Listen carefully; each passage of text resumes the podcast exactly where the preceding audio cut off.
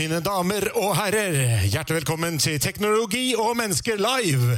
Ta vel imot programleder Christian Brostad.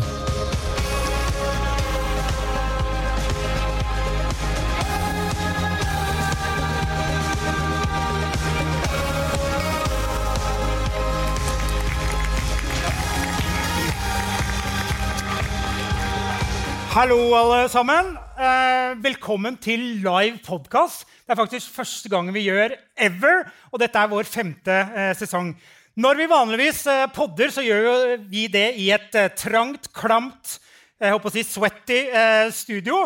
Eh, men nå gjør vi det altså foran et ekte publikum. Eh, og når vi podder vanligvis, så går ting ofte feil. og Det er stort sett jeg som gjør feilene. Og det deilige da er at vi bare kan klippe bort og fjerne, og så kommer det en deilig episode ut. Men nå har vi ikke noe sikkerhetsnett. Så det er litt trist. Eh, og så har vi jo faktisk eh, noen tusen lyttere eh, hver eneste uke, og det er vi kjempetakknemlige for. Så jeg tenkte, siden vi nå er litt live, at vi nå skal lage litt lyd sammen. Er dere med på det? Ja! Yes. Nå er det å få opp stemninga her. Så det jeg tenker er at alle skal reise seg eh, etter hvert. Ikke nå, bare sitt, sitt, sitt. Eh, og så skal vi sammen si høyt 'Velkommen til podkast'. Og da er det lov å være gæren, og det er lov å skrike. Da er det lov å gjøre hva som helst. Er det en avtale? Yes, Da reiser vi oss, og så teller jeg ned. Og dere skal altså si 'Velkommen til podkast'. Og dette skal alle våre digitale lyttere i morgen tidlig høre. Ok? Tre, to, én Velkommen til podkast! Yes! Nydelig! Tusen, tusen takk. Er det ikke deilig å få ut litt uh, si, aggresjon? Jeg vet ikke hva dere har innabords. Uh, men nå skal vi over til dagens uh, tema. Og vi har gjort det litt annerledes siden det er uh, live. Vi skal etter hvert gå i gang noen speeddates. Og det er jo spennende, Men før det så skal vi ha en liten samtale her med en gjest jeg har gledet meg til å få på scenen. Dette er jo en tech-konferanse. men uansett hvordan man velger å se på det, så må man alltid tenke at teknologi bare er en del av løsningen. Eh, at vi skal tenke på utfordringer, problemer osv. Jeg er veldig glad i problemer. Eh, og at teknologien da bare hjelper oss til å løse eh, de tingene. Og det er også sånn, og det er en gjennomgangstone i podkasten, for vi snakker egentlig aldri om teknologi, men det vi snakker om, er eh, hvordan utfordringer og problemer kan løses, sånn at andre kan lære av det. Og det å lære av andre det er en litt sånn undervurdert greie. Så det å bli inspirert det er da kjempeviktig. Og det er det vi nå skal gjøre de, de neste eh, minuttene. Så det er en glede for meg å introdusere konsernsjefen i Sparebank1 SR-Bank, Benedikte Skilbred Fasmer. Velkommen opp.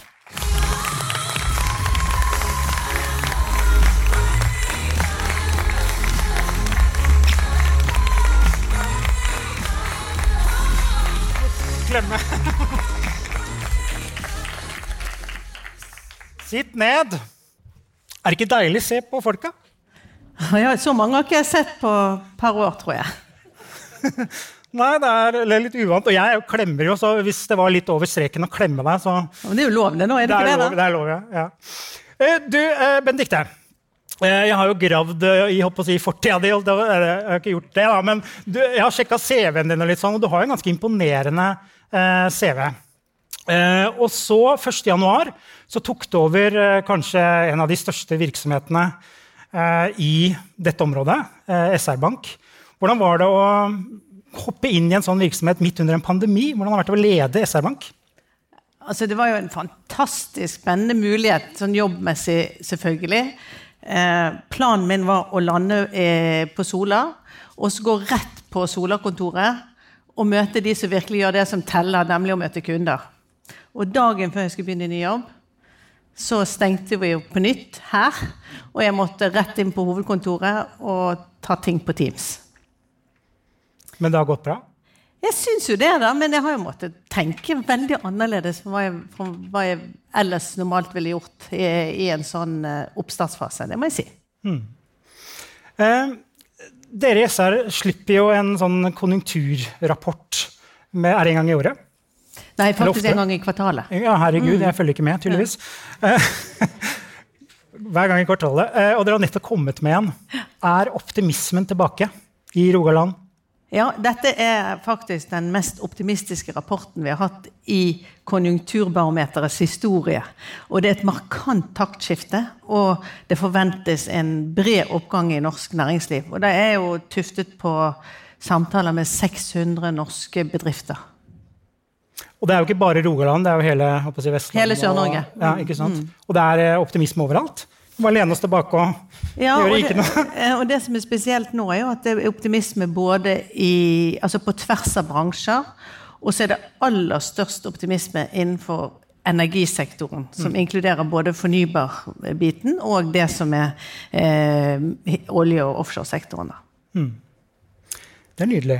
Det Vi trenger litt sånne positive nyheter. Vi gjør det. Eh, og så er det jo noe med at eh, da har vi et Vi kommer til å se en arbeidsledighet som kommer tilbake på normalen, som for oss er veldig lavt. Mm. Vi har eh, heldigvis hatt gode tiltak fra myndighetenes side underveis i pandemien som også gjør at utgangspunktet vårt Lyset ikke liksom skrudd helt av, det er halvveis på. Mm. Sånn at det å liksom skru ordentlig på eh, tror jeg kommer til å gå ganske raskt. Og så tror jeg vi kommer til å ha et spennende år eh, foran oss nå.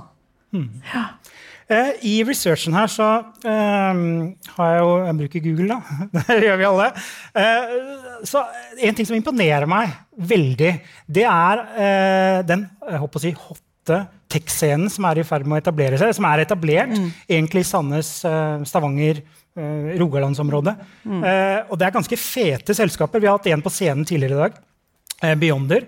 Men det er jo Globus AI, Nordic Unmanned, Boost AI, Dessert Control. Det er jo flust av selskaper som nå som vokser. Og mange av de har jo æren for dette med internasjonale greier òg. Mm. Hva er det som skjer? Hvorfor har det blitt sånn? Jeg tror noe av svaret på det er jo at denne regionen har hatt eh, veldig stor tilflytt av både internasjonal arbeidskraft og kompetanse i kombinasjon. Og når vi nå har hatt eh, noen runder med først oljeprisfall og, og så eh, pandemi, og det faktum at vi ser på en måte at fremtidens næringsliv blir eh, annerledes sammensatt og mer bærekraftig enn det vi har hatt til nå, så er det tror jeg egentlig summen av at den kompetansen bare finner nye veier og, og innoverer, rett og slett. Og bruker kompetansen på en ny måte. Det jo, gjør jo denne regionen til å være dobbelt spennende, egentlig, eh, også fremover. Ja, det må være musikk i den nye regjeringen? Hvor liksom man skal ha fremvekst av uh, ny, ny, næring? Da. Ja, og det eneste jeg må si, jeg håper jo at litt sånn som jeg sa med lyset halvveis av og, og, halvveis på, at vi evner å gjøre omstillingen og bruke den tiden, sånn at vi får med oss både kompetanse og omstillingen i næringslivet. At ikke man forventer at lyset skal skrus om altfor fort. da. Mm. Eh, SR-Bank er jo en, en, betydelig aktør. Eh, dere har jo ikke bare penger, men dere har bare penger. masse penger, og så kompetanse. Eh, hvilken rolle er det SR-Bank har valgt i Eh, det å etablere denne tech-scenen som nå blomstrer i regionen? Hva er det dere gjør? For det første er vi jo bank for noen av de selskapene du nevner, og det er vi både stolte av og lærer masse av. Eh, og vi har en, et gründerakademi og en satsing mot gründer- og oppstartsvirksomheter som er veldig viktig for oss. Eh, hvor vi prøver å samle både bankens kompetanse annen kompetanse og investorer, eh, og som til sammen skal gjøre det enklere og raskere å starte nye virksomheter. Eh, og så bruker vi jo også teknologien inn i vår egen eh, virksomhet eh, i forhold til å videreutvikle eh, SR-Bank. Mm. Så dere støtter, og dere eh, får det inn i egen virksomhet mm. og benytter egentlig tjenestene da, ja. fra disse. Ja. Mm. Og så har vi gjort en ganske sånn målrettet satsing mot det som er mest relevant for oss, nemlig Fintex, hvor vi har eh, både vært med å jobbe frem eh, noen bedrifter, og hvor vi har også investert litt penger. Mm. Mm. Eh, finanssektoren, jeg kjenner den jo litt, for jeg har litt bakgrunn fra finans, eh, er jo kanskje en av de sektorene som eh, har kommet lengst på digitalisering. Så kan sikkert noen arrestere meg for det. Eh, VIPS er kanskje det beste eksempelet, hvor dere er deleier sammen med en rekke andre banker. Og så tenker jeg eh, hva, hva, Hvilke utfordringer er dere eh, liksom har? For dere er jo ikke ferdig digitalisert. Eh, hvis jeg skal dra det til meg Jeg kunne ønske meg en bank eh, som var litt mer proaktiv. Jeg må jo mase på banken. Mm. Du får komme være kunde hos oss, da. Ja, Det er løsningen. Men hvilke, hvis du skal ramse opp, Dette er de tre viktigste tingene vi fokuserer på nå når det kommer til digitalisering. Da. Hva skulle det være?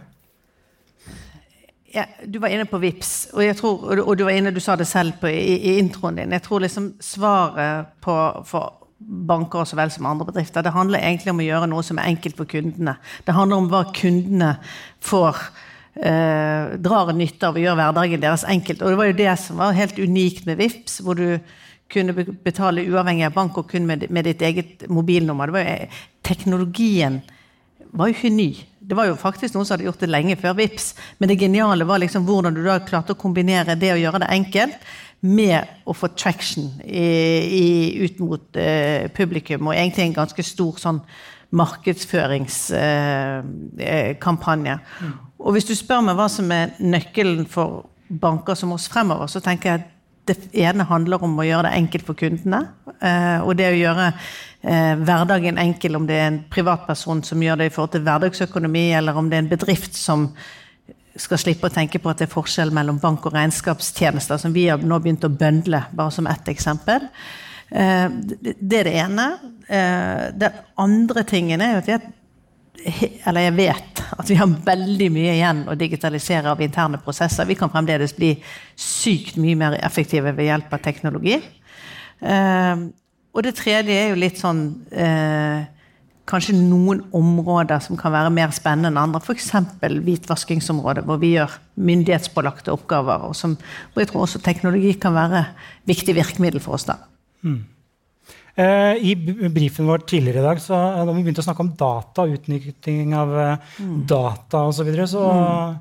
håper jeg å si du lyste opp. hva, hva, hva, hva, er det?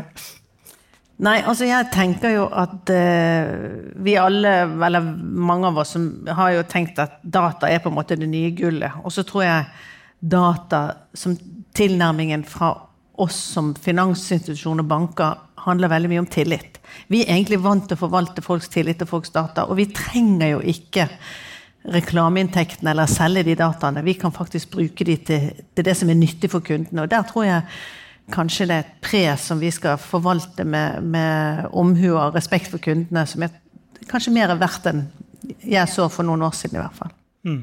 For det, det, store spøkelset Google, Facebook skal starte bank, det har vi hørt i mange år. Men det har ikke skjedd så mye på det området. Mm. Eh, I, i, I, finanssektoren så er det jo noen få store aktører, og så er det en haug eh, med små aktører. Er det en fordel i det gamet her å være liten eller stor, eller er det ett fett?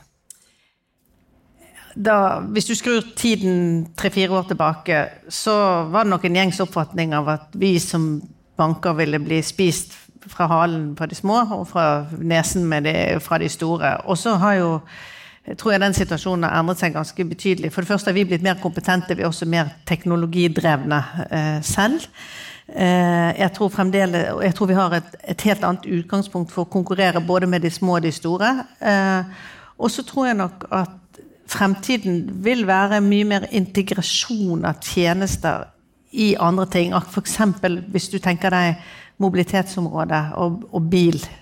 Du og jeg kommer sannsynligvis ikke til å eie vår neste bil, eller kanskje i hvert fall ikke vår nest neste bil. Eh, og da kommer både finansieringen av den, forsikringen av den, bompengebrikken i den, eh, vedlikeholdet av den, til å ligge i, i en form for plattform. Eh, og, og, ergo så tror jeg liksom at det tjenestespekteret vi har i dag, må vi skru sammen helt annerledes for å være relevant for f.eks. deg som har lyst til å kjøre bil en gang imellom, i hvert fall. Mm. Eh, plattformen nevnte du. Eh, er ambisjonen til SR-Bank på en måte å bli den plattformen? Hvor du kan gjøre alt det du nå beskriver? En, vi snakker jo om plattformkrigen, ikke sant? Mm. Eh, og det er ofte mm. knytta til de store tech-selskapene. Eh, Schibsted osv. Hva, er, hva er ambisjonene til SR-Bank? Her er det lov å bare komme med hemmeligheter. Ja, jeg, jeg, tror Jeg tror skal du ha en reell mulighet til å bli en plattform i dagens forstand, så må du ha både si, tilbudssiden og etterspørselssiden, og du, må, og du, må, kunne migrere de to. Om jeg er ikke helt sikker på om vi som en regional sparebank skal ha ambisjon om å bli en plattform, men vi kan bli en viktig inngang til plattform f.eks. For, eksempel, for kundene våre. Eh, og så kan vi også kanskje i større grad distribuere ting som vi ikke lager selv, mm. men som vi på en måte får sourcet f.eks. fra de mindre tech-leverandørene som du var inne på i sted. Mm. For dere har noe som f.eks. ikke Facebook har, og det er jo tillit. Mm. Ja, og det tror jeg litt Var det stygt sagt? Ja,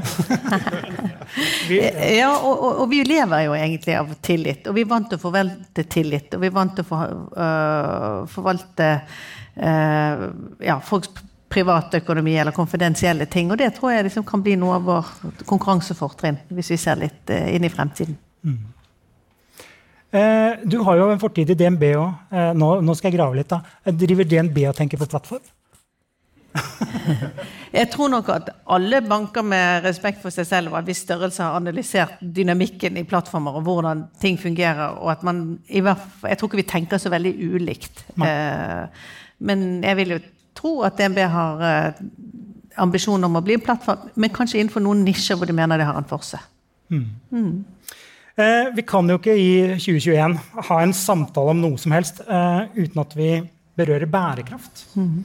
Eh, og når man tenker på finanssektoren og bærekraft, så tenker man ofte på grønne lån. eller noe sånt. Mm. Eh, hva er bærekraft for SR?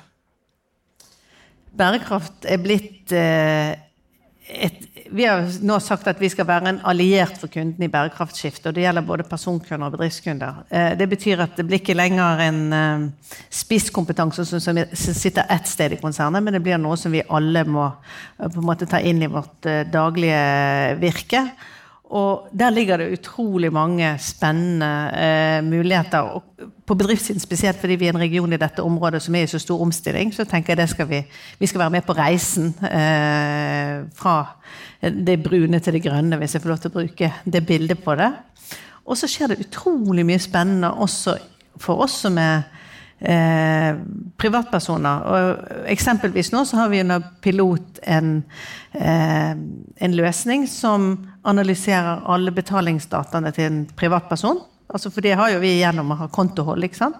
Og så kan du gjennom transaksjonsanalysen få svar på hvilket klimaavtrykk du har på din, det du har betalt for eh, gjennom ditt, din bankkonto. For så i mobilbanken kan jeg sjekke når jeg har vært ja. på diverse steder hvor Ah, hvordan, hvor klimatrykk du har som privatperson gjennom de kjøpene du har gjort i, i, ja, gjennom et år eller en måned. eller sånn. Mm. Så da begynner vi liksom å utvikle helt nye måter å bruke vår tillit og våre data på, som kan være nyttig og kanskje litt spennende i hvert fall for, for kundene våre. Mm. Mm. Er det eh, bare av ren nysgjerrighet? at det er utafor skript? Nå bare tar vi det sånn. Eh, er, det, er det en, eh, sånn, mm, noe som kundene har etterspurt, eller er det noe eh, dere har funnet ut er lurt å gjøre for å fremstå mer bærekraftige? Det er en, kanskje en kombinasjon. Er ikke, her er det nok mer push and pull eh, i den fasen vi er nå. Og så vil jeg jo tro at uh, litt sånn som vi har sett med bærekraft som overskrift generelt, at etter hvert så er det en forventning at man leverer på det. Og så er man kanskje nå i en fase, i hvert fall når det kommer til privatpersoners eget forbruk, så er man kanskje ikke helt oppmerksom på det ennå. Og da kan dette være en sånn litt spennende greie på den reisen. Mm. Nydelig. Eh, har vi noen spørsmål? Nei. Det er mulig å sende meldinger etterpå, så kan vi jo ta det der. Eh, nå skal vi eh, litt videre, eh, og vi skal i gang med speeddate. Hvilken erfaring har du med speeddates? jeg, si sånn, jeg traff mannen min da jeg var 16, og han har jeg fortsatt. Så veldig begrenset. det var ikke på speeddate. Så jeg har ikke vært innom datingsidene. Men jeg har jo brukt speeddate eh, ganske mye i jobben min. Og spesielt nå eh, fordi jeg gikk inn i pandemien, og fordi jeg hadde et intens behov for å møte folk, og mange mennesker, så har jeg brukt speeddate faktisk nå også i SR-Bank. Eh, så jeg har møtt nå er det vel snart 100 mennesker på speeddate siden jul. Det var nyttig? Ja, men jeg har ikke giftet meg med noen av de, altså. Nei, det, det er litt på kanten, men ikke hvis du hadde gjort det. Ja, men Veldig bra. Tusen takk for at du kunne stikke innom eh, oss. En stor applaus.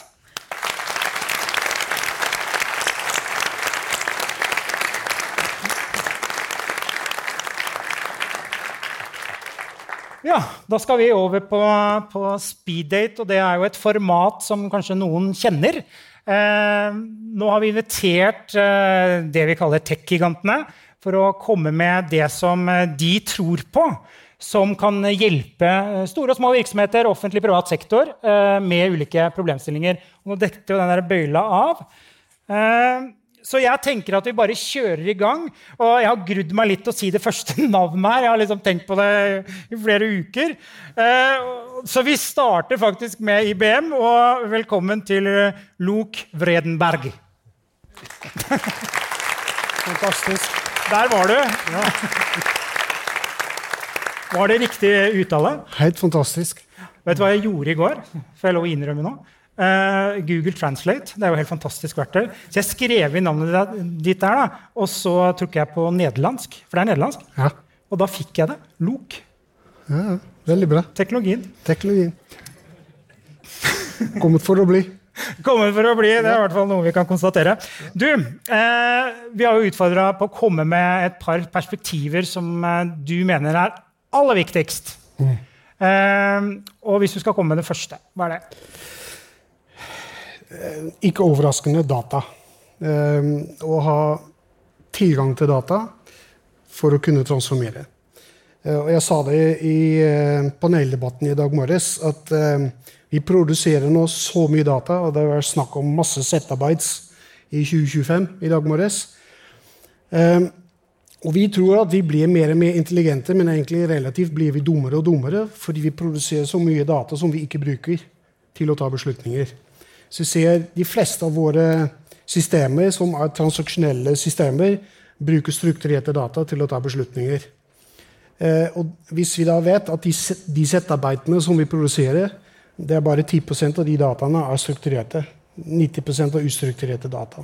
Som vi da ikke bruker, eller veldig lite, i beslutningsøyemed. Så utfordringen for å gjøre den transaksjonen, den digitale transformasjonen som alle snakker om, det er faktisk endre måten vi tar beslutninger på. Og ikke bli flinkere til å ta de samme dårlige beslutninger, bare raskere. Ehm, så vi må ta bedre beslutninger, og da må vi inkludere større beslutningsgrunnlag, databeslutningsgrunnlag av de ustrukturerte dataene som vi i eh, IBM på fagspråket kaller kontekstuelle data. Så både interne data, men også eksterne data som du kan kombinere. som Det ble nevnt eh, værdata, f.eks. I mange sammenheng kan være veldig relevant og interessant å, å kombinere.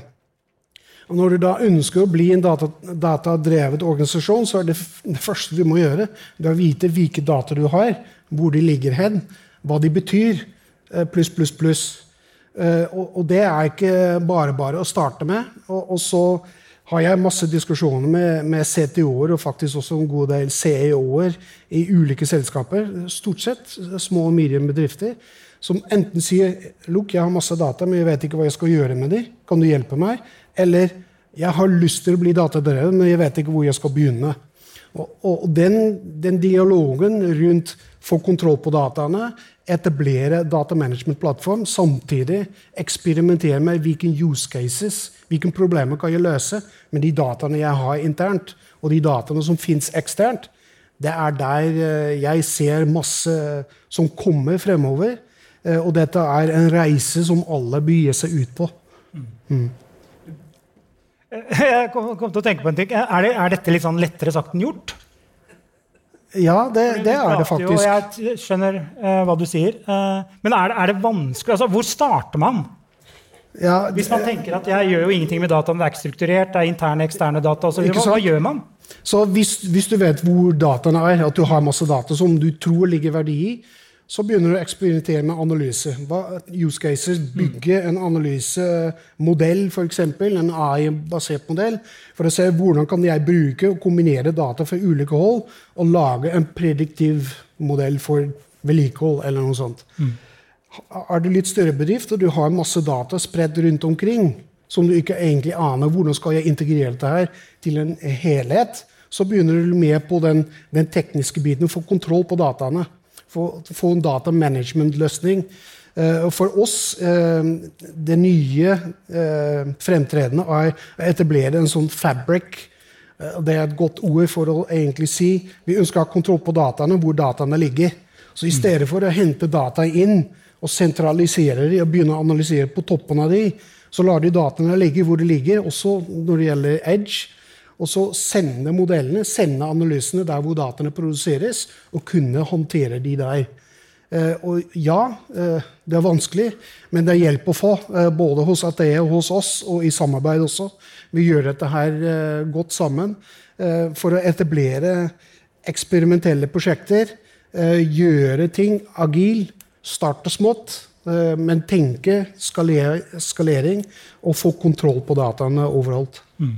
Jeg må, jeg må beklage å si, Du snakker uh, mye, og det er bra. Men du har brukt opp speeddate, så er det jo ut liksom, etter en viss tid. da. Så jeg tenker du er faktisk ut, du nå. Så tusen takk, Luke. Bra.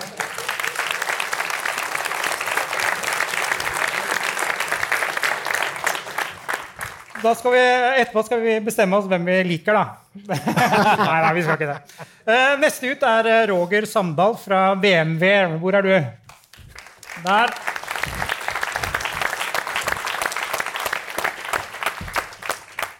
Hei, Roger. God Du dagen. må love meg en ting. Du må ikke snakke om data, du nå, da. Nei, jeg skal overhodet ikke snakke om data. Nei, det er bra. Selv om det Eh, er community. ja, da, data er vi misforstår meg, da. Eh, riktig. Eh, hva er det du har liksom, eh, pinpointa som det viktigste? Vi, jeg har tenkt å snakke om noe som eh, jeg tror er utrolig viktig, som ikke er mer her på Athea Community. Det er mye teknologifokus her. Eh, I hverdagen min så har jeg jo familie, jeg har eldre mennesker rundt meg. Jeg møter eldre mennesker ute i samfunnet. og det, den kløfta som har blitt da, i forhold til eh, det digitale, halvdigitale og udigitale borgere Vi har et ansvar for å utvikle gode brukeropplevelser også for den generasjonen der. Vi kommer alle til å være der sjøl en gang. Og den mentale kapasiteten vår og den kognitive kapasiteten vår eh, når vi en gang kommer dit, er veldig annerledes enn den er i dag. Så den eh, Vi sitter jo alle her og vi snakker nå om digitale tjenester. Vi har nevnt VIPS, og vi syns alle VIPS er enkelt. Mamma og pappa syns ikke VIPS er enkelt. Eh, De, de vil helst bruke, de tar ut kontanter de, i, i minibanken sin. Møtte to eldre damer på kjøpesenteret. Jeg så kanskje ut som en tillitsfull person. og De lurte på du, hjelp oss. Eh, Vi skal inn her og, og, og shoppe litt, og så skal vi spise litt. Så vi skal være her mer enn en time. Men vi, vi vet ikke hvordan vi skal forlenge parkeringsgreia vår. Så det er det der klasseskillet der da, som det har blitt eh, Når vi snakker om den gode brukeropplevelsen, så er det ting som eh, på utviklingssida, da, hvis du ser de som nå utvikler nye tjenester Flinke folk, unge folk. Vi har de som er eh, brukeropplevelsesansvarlige, eller UX-designere, som det ofte kalles. da. Hvem er det? Er det noen her i salen som er det? Ingen? Det er noen lyttere. Det er noen lyttere, forhåpentligvis. Eh, det er også unge folk. De tenker annerledes. Så vi må inkludere også den eh, generasjonen der inn i prosessen. Sette brukeren inn i, i den eh, konteksten her når vi skal utvikle nye tjenester. Vi i VMWR vi har gjort det her nå i et stort prosjekt i USA med det amerikanske luftforsvaret. De er jo i ferd med å digitalisere veldig mange av sine prosesser. De har jo styrker over hele verden eh, rundt omkring. Eh, de har bakkemannskaper, de har styrker i luften. Så det amerikanske luftforsvaret har jo en flåte da, av folk å fly i lufta eh, som er en salig runddans som skal ko- koordineres. Måten de har løst det på frem til i dag, er mennesker og gule lapper på store tavler. Og så inviterte de oss inn da, for å hjelpe dem å finne hvordan kan vi kan eff- effektivisere det her. Da. Og Istedenfor å sette da, unge, uerfarne kan du si, folk som ikke kjenner det de jobber med, inn i det her, så tok vi da faktisk soldater som har jobba med det her i en mannsalder. Vi har gjort dem om til eh, kodere. Vi har lært dem eh, språket og vi har lært dem måten å utvikle nye applikasjoner og tjenester på. Så de er med å forme det. Det er utrolig spennende, og det tror jeg altså Vi snakka om liksom, hvordan skal fremtiden se ut, og hvordan skal vi løse eh, måte, IT her i Norge. Det handler om å inkludere alle og utvikle tjenester tilpassa alle. Og det handler om også å dra med seg kompetanse fra den eldre generasjonen inn i det vi skal bygge for fremtida. Det brenner jeg virkelig for. Ja, Nydelig. Og det blir jo kaos hver gang eh, det offentlige kommer med en ny tjeneste som mange ikke kan eh, benytte. Ja, og det, De vi leser om det hver eneste dag. Og det er sanns- sannsynligvis et samtaletema over eh, kaffebordet når dere besøker bestemødre og bestefedre også. Så viktig. Jeg syns ikke du ble belyst godt nok. Nei. Men vi fikk jo noen minutter her. Ja. Jeg må kaste deg av scenen nå. Ja. Takk for det. Men takk for at jeg fikk fortalt hva jeg brenner for. Veldig bra, Roger. Tusen takk.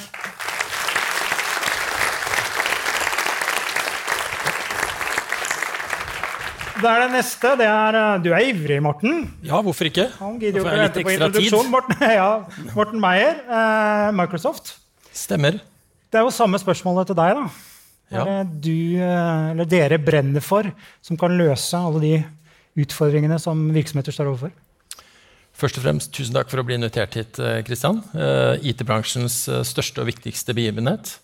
Og det var jo gøy å se åpningen til Ole Petter i morges. eh, for han snakket om datadrevne virksomheter, sikkerhet og, eh, og bærekraft. Og eh, på fredag måtte jeg sende mine tre prioriteter til deg. Og jeg håper du husker at det var de tre jeg sendte. Jeg har de her.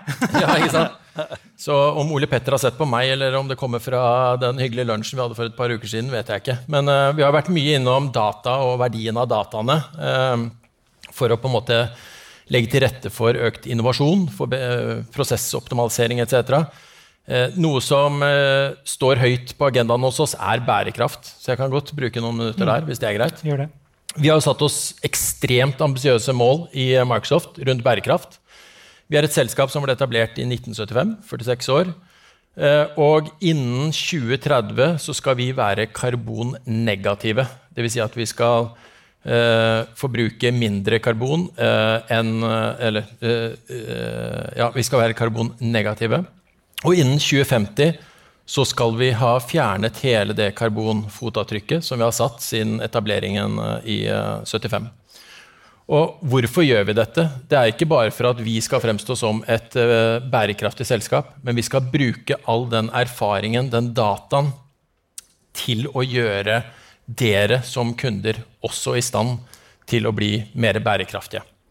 Så Det er eh, ambisjonen vår. Vi har også lansert en, eh, en skysatsing for bærekraft. Den heter Microsoft Cloud for Sustainability. Eh, hvor vi ønsker å dele all den erfaringen, dataene, som vi bygger, til dere, for å også da kunne forbedre deres karbonavtrykk. Og det er ambisiøst. Og det er good news, tenker jeg, eh, med den røde bærekraftstråden vi har gjennom alt. Definitivt. At, man, at dere tar et såpass stort ansvar. Da. Og vi ser det. Vi har etablert fire datasentre eh, i eh, Norge, eh, bl.a. her i, eh, i regionen. Og, og våre datasentre er nå minimum karbonnøytrale, dvs. Si at de ikke forbrenner eh, karbon. Eh, vi har tatt store grep innenfor eh, egen organisasjon og våre campuser. Eh, vi har den første campusen i Silicon Valley som ikke forbruker vann fra de kommunale myndighetene i det hele tatt. Hvor får dere vann fra? Det er resirkulerbart. Så vi har blitt helt vannuavhengige på den første campusen. Og igjen, denne læringen, denne dataen, denne innsikten skal vi bruke og dele med eh, kundene og partnerne. Og vi er også engasjert i et av prosjektene som også går her i distriktet, hvor eh, Equinor, eh, Total, Shell og vi som en teknologipartner inn i Northern Light-prosjektet bidrar til å gjøre både karbonfangst, transport og lagring på en effektiv måte. Og igjen, denne kunnskapen bygger vi for å igjen dele med, med andre kunder. Nydelig. Nå har du brukt opp tida. Så fort. Stikk av. Tusen takk, Morten.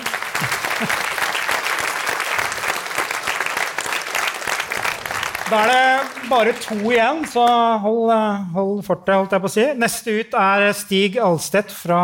HPE.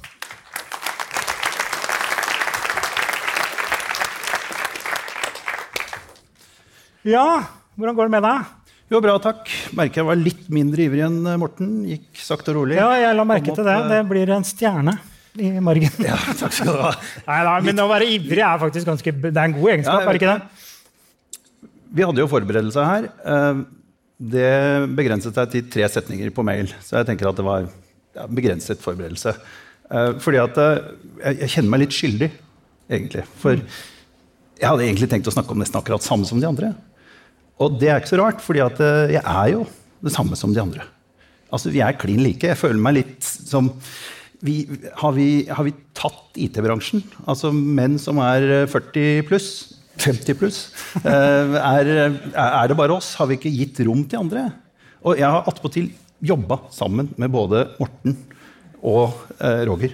Og, og, ja, så vi er liksom en familie, og vi kommer hit og vi, vi hilser og vi klemmer. Og det er superhyggelig. for øvrig. Jeg syns det er fantastisk å treffe folk igjen og tatt på messeskjorta med logo. i det hele tatt. Men, eh, men, jeg lurer på om vi kan være for ekskluderende. Altså, for Betyr dette at du bare gå av scenen? Jeg, jeg, jeg, jeg, kjenner at eh, jeg, tømmer meg veldig nå. og ja, ja, det, er en, det, er en, innrømmelse. Men når jeg satt bakerst, to skritt uh, bak, så ser jeg at jeg tror kanskje vi har en jobb å gjøre med å rekruttere det berømte mangfoldet. Mm. rett og slett. Enig. Mm. Det krever en klapp.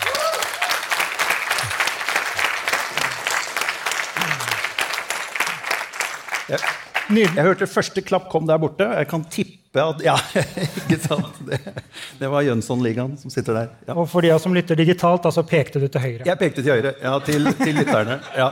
Det er lett det er å glemme at uh, det er mange det, som hører det er lov å si det, ja. Men uh, da tenker jeg at vi sier bare takk til deg, da. Ja, var det det hele? Ja, vi, okay. vi har dårlig tid.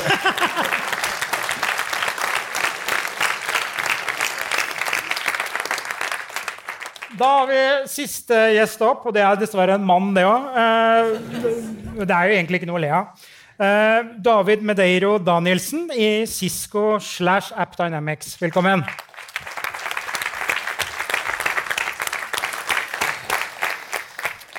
Ja. Hei, Kristian. Hei. Hei. 37 år, forresten. Under 40. ja, bra. Har, ja.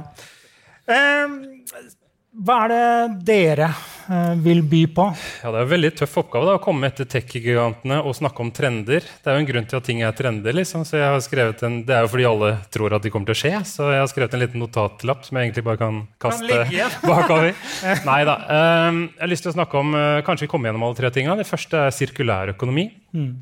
Altså Et helt konkret tiltak innenfor bærekraft. Da. At man må faktisk begynne å tenke seg at produktene som man produserer, skal gjenbrukes.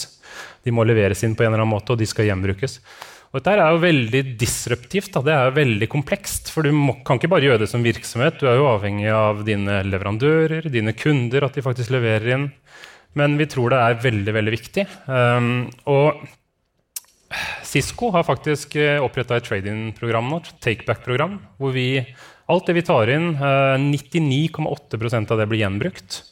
Ikke så mye av oss enda, men noe av det blir gjenbrukt. Noe havner faktisk på våre produksjonsspor, og da har vi liksom klart å, å slutte den sirkelen litt. Mm. Så vi håper at uh, mange har lyst til å prøve seg på sirkulære prosjekt, og at man begynner veldig i det små, at man finner en knagg å henge det på, kundedrevet, kostnadsdrevet, et eller annet. Men at man, man tenker i den loopen der. Mm. Mm. Nydelig. Men du hadde et punkt som jeg synes var interessant. Build versus Det er på engelsk. Alt er på engelsk i den bransjen. Ja, men jeg har gått litt bort fra det punktet der. så jeg kan Og du, godt ta... du vil ikke snakke om det, da? Nei, ikke okay. i dag. Det blir, blir, så Ja, kan vi ta en annen. Okay. Men uh, hvis jeg kan fortsette med det ja, som jeg tenkte Ja, du har ett minutt igjen. Ja. Da syns jeg det med kompetanse, som ble løfta her tidligere, er veldig viktig. At vi ikke, det har vært snakka om at vi ikke ser etter fabeldyr. At vi ikke ser etter folk som er 30 år og har 10 års erfaring og mastergrad og kan formes. Mm. Men at vi tør å satse på de som er litt annerledes. Hvorfor kan vi ikke bli kjent som liksom annerledesbransjen i Norge? IT-bransjen? Vi skal jo tross alt skape nye ting. Vi skal disrupte. Da må vi også tørre å ta inn folk som tenker helt annerledes enn oss. Og det siste det var å legge til eh, rette for innovasjon internt i en organisasjon. Og, og, da tror vi også at man må sette sluttdato på prosjekter som er en suksess, før de begynner å gå nedover, for å kunne tørre å utvikle nytt. Um, sånn, hvis jeg kan ta et eksempel, da, hvis jeg har 20 sekunder igjen. vi har vel alle vært på stranda kanskje og bygga sandslott. Og når du ser vannet rundt i vollgrava, og sånn, så har du et utløp ut mot havet. Og Du prøver å stenge det utløpet, ikke sant? så du setter en begrensning på vannet. Men vannet vil alltid finne en måte å flyte rundt uansett på. Så ved at, vi tør å sette begrensninger på de løsningene vi har i dag, og de vi bruker i dag, så vil det også komme ny skaperkultur, da, tror vi. Mm. Bra avslutning. Takk for det. Og bare bli sittende. Um, da må vi runde av. Tiden bare løper når vi har det gøy. Gjør ikke det? Eh, så tusen takk til alle dere som er i salen, og så må vi si tusen takk til alle dere som eh, lytter på. Og så ses vi eh, neste uke. Du har nå lyttet til Teknologi og mennesker, laget av Athea og Oslo Business Forum. Liker du podkasten, setter vi stor pris på om du gir oss noen stjerner. Og tips gjerne en venn om podkasten.